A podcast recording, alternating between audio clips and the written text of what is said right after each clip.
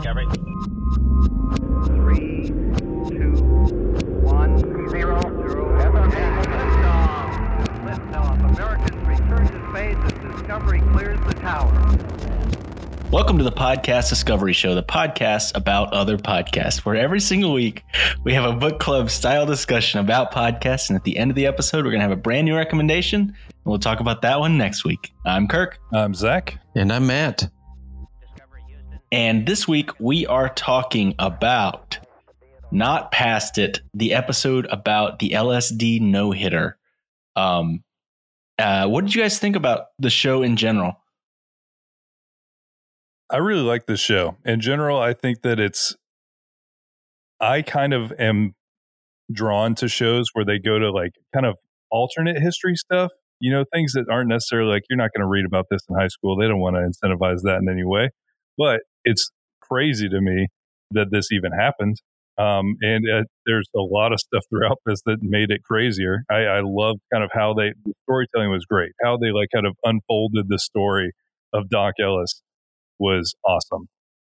Yeah, I agree. The production value was really awesome. It was like they just really formatted it really nicely. Was starting with that archival footage and like Mhm. the narration of it, and it's like sounded really just sounded pretty cool. Set you set you there real real quick. Yeah, I love that they went and got the audio from the game as he was throwing it, Yeah. and the the announcers are just like, "Oh, he's got to know that he's throwing a no hitter." But like, I don't. But then you're like, I don't know that he did. Honestly, so yeah, I don't know if he did either. the, from from his uh his telling, which which was great. I thought that was really cool that they had archival interview stuff in it. You know, it made it feel and the way that they reported it, you almost didn't it didn't feel like it was just clips. It felt like it was part of the show. Mhm. Yeah. Which you know, of course, they gave credit where where where it belonged because it was what the um, Weekend America, which I don't know what that is, but it sounds like an interesting, uh, you know, weekend show probably in America. Show. That- That'd be my guess. It's a good guess. It's a good guess. It's actually That's a, just uh, a guess. I have a I have a sixth sense about things like this. No, it's Quite actually public television in Kazakhstan. They just really wanted to go with a different title for it. yeah. Well, America translates as Kazakhstan in Kazakhstani. Is oh, I bet thing? it does. Which is weird. so I actually heard this uh, this show not past it because it was a whole episode was played on the feed of um, Reply All because it's a Gimlet show Oh, okay. and they were specifically doing the I think I talked to you a little bit about it because it was it was fascinating. It was fascinating, but it was the story about the Paris Hilton sex tape because there was a lot of stuff to that that I had no idea Oh. about. Yeah, um, but I didn't quite feel comfortable having us talk us give our opinions on Paris Hilton sex tape. No, so uh, I, I, 'cause- picked a different uh, episode to talk about I mean, about. you know how we are. We have to see the source material. Like, we can't have a discussion about something unless we can actually discuss it. So it might be an awkward situation for everybody to listen to that conversation we had. Man, well, you know, I'm probably going to listen back. they did do another episode about um the rating system like in movies and i really liked that one There's that's some really interesting stuff there. Um, because you look at like golden age Hollywood with like pre-code and stuff, there was a lot of weird politics and shenanigans with it. Pretty cool. yeah Interesting. Yeah, but well, back I to enjoyed it. the uh the no no um I love that it's called that. The Yeah. the no no.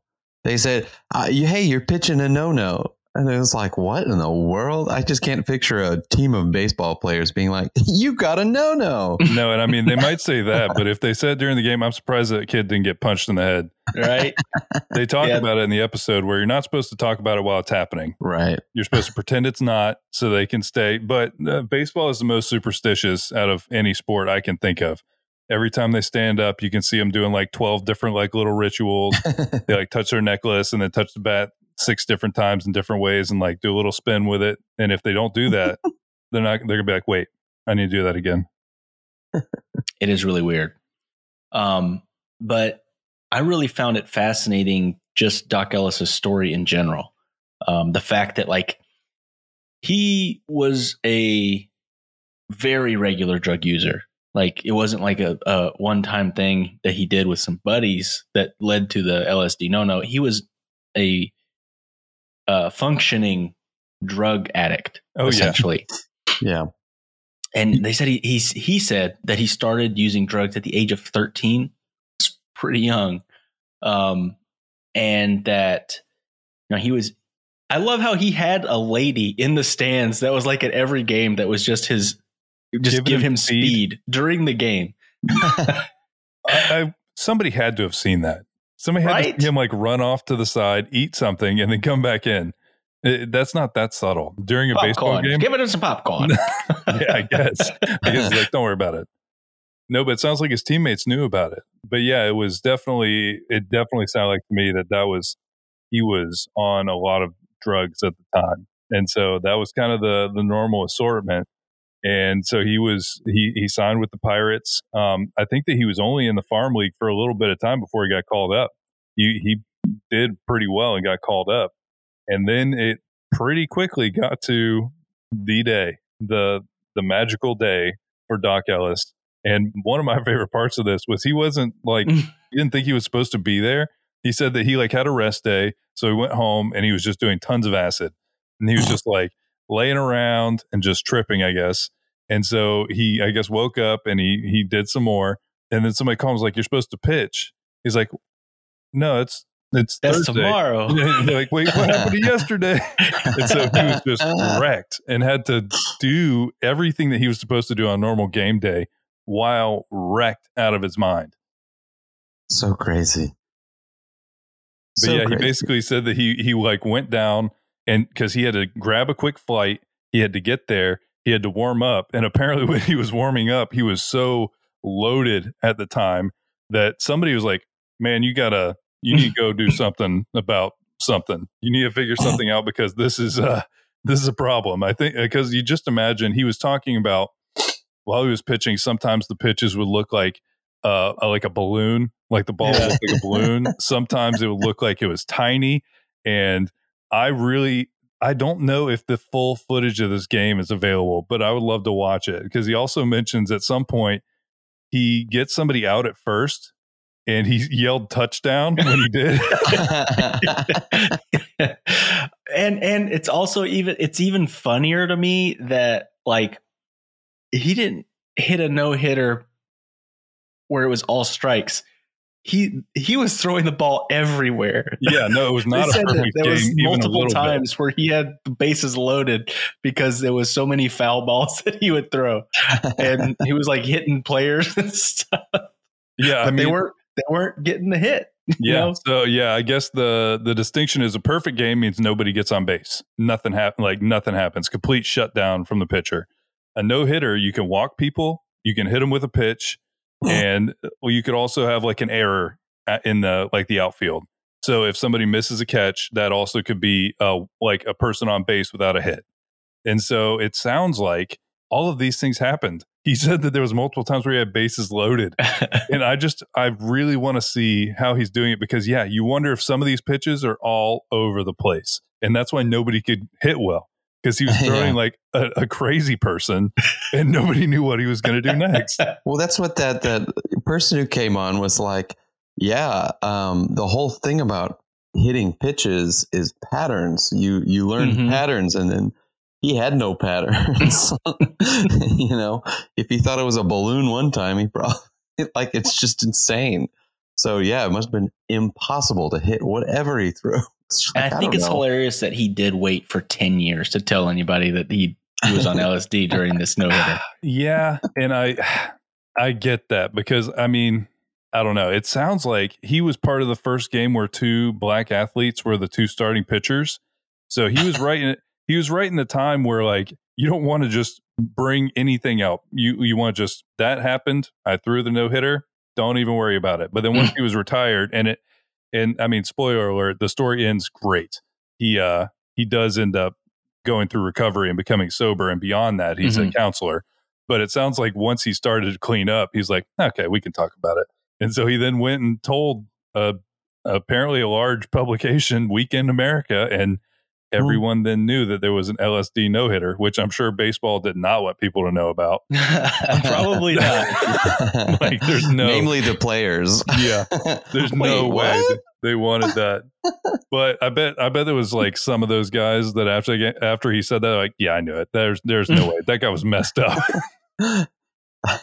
Yeah, but he was also known as the first militant of professional baseball because he was so outspoken about, you know, racial rights and stuff like that in a time and that was interesting. I had never really thought about it in a time where that wasn't a thing yet.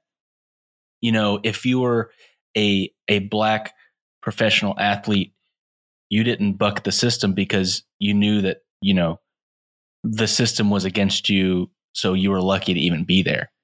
Um, no, and, you see the same type of thing with uh, Muhammad Ali as well. Yeah, Yeah. they- so know, they he- mentioned that during this time it was just like Muhammad Ali and and like him, and that was like the only people that were being kind of uh, standing up to power uh, in that way. No, That's- and I mean, great. uh, uh, Muhammad Ali was anti-Vietnam War, and people were like calling him a draft dodger and saying that he was like a traitor and things like that. And it's like, I mean, looking back on the Vietnam War now, I think there's uh, mixed opinions on on on Mm. the Vietnam War in general. So I think there was a lot of really loaded attitudes toward like black athletes. And so I think there was extreme courage in in any of them that were going forward and like just talking about social issues because people tried to just rake them over the coals as soon as this happened. You know, they would try and ruin their careers.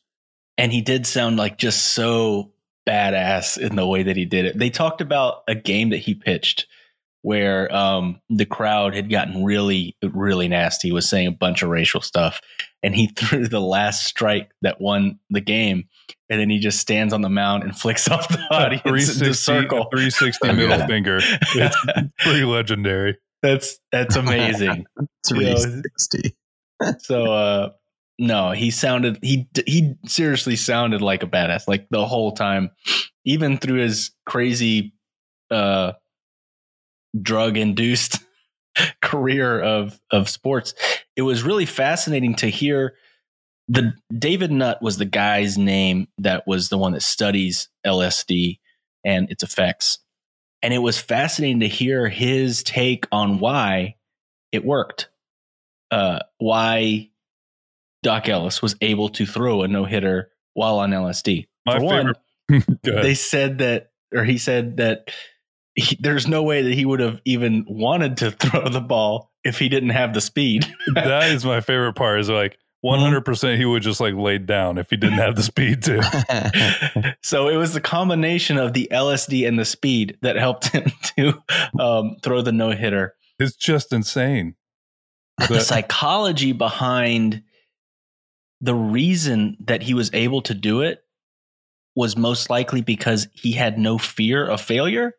It was fascinating. And that's where it like that's one of the things I really liked about this show is the whole time it's like kind of this insane story that somebody's on this level of drugs and able to not only complete a game. That's the thing is like you would think okay, even being Mm. able to go out and play a professional game, you're like wow, that's amazing. But not only did he do that, he he hit like the second tier of perfection for a pitcher.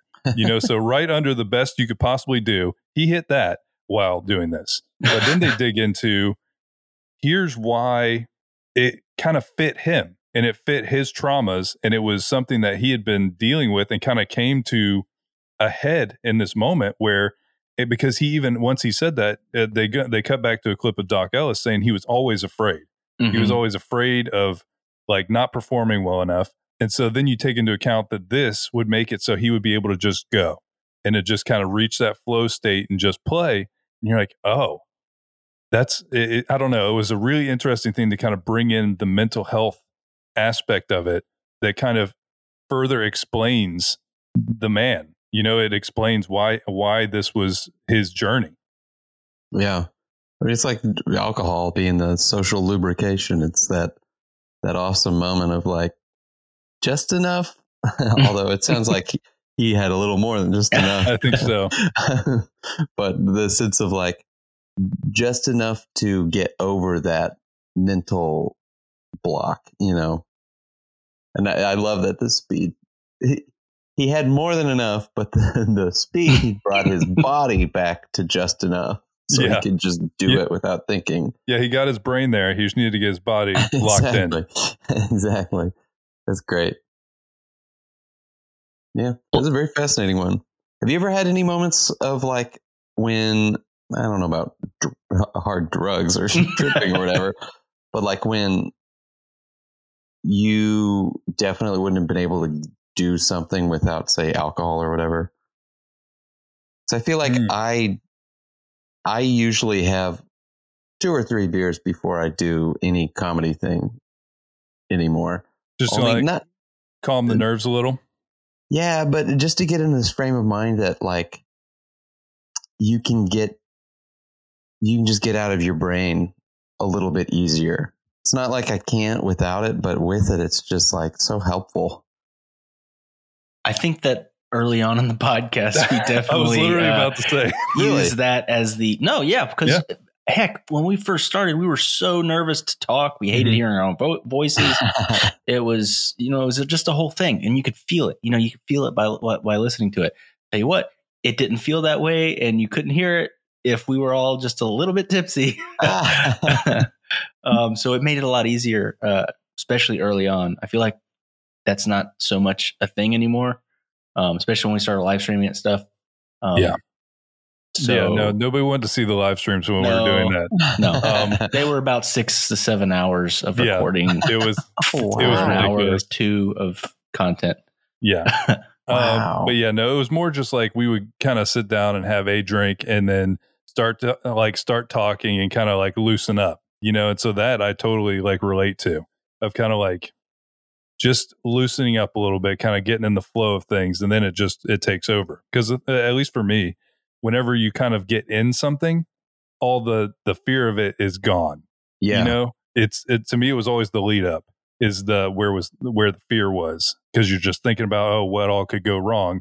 But then once you're in it, if it goes wrong, there's no stopping it now. This train's rolling. right. But Well, and and Doc Ellis was pretty young at this time, wasn't he? Like, Mm-hmm. Yeah. yeah.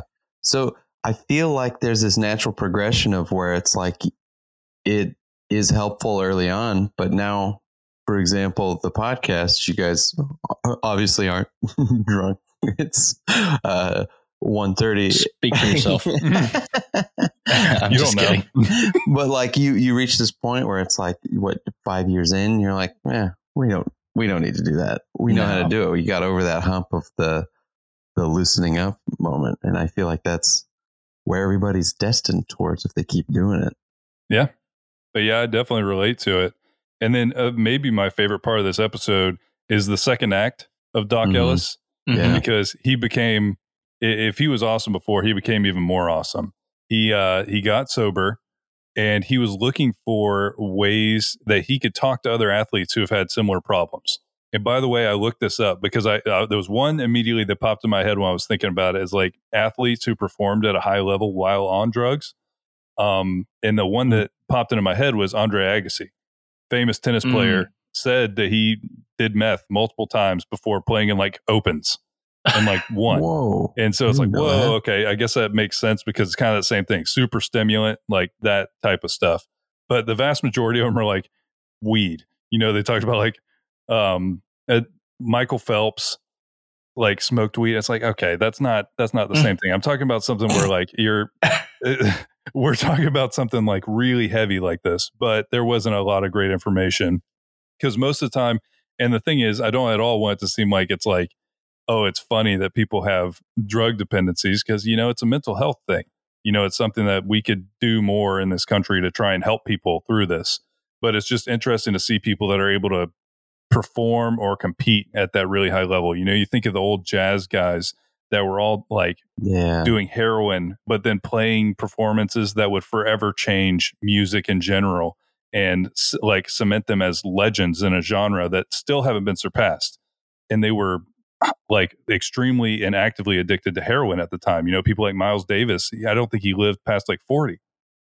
And so it's just this weird combination of things where something so bad is happening to them, but at the same time, they're able to do something so like amazing Mhm. but Doc Ellis got sober and was looking for people that he could talk to about kind of his experience and what he was going through, and he couldn't find any, so he made one. He made a place where athletes who were dealing with substance issues could talk about that, could like go through that, and he would go out of his way to work with them. Uh, we have in our notes, uh, I called it the doc tail, but yeah, he called they, it they called it that no, too, he called they? it the doc cocktail, but Oh. doc tail is way better.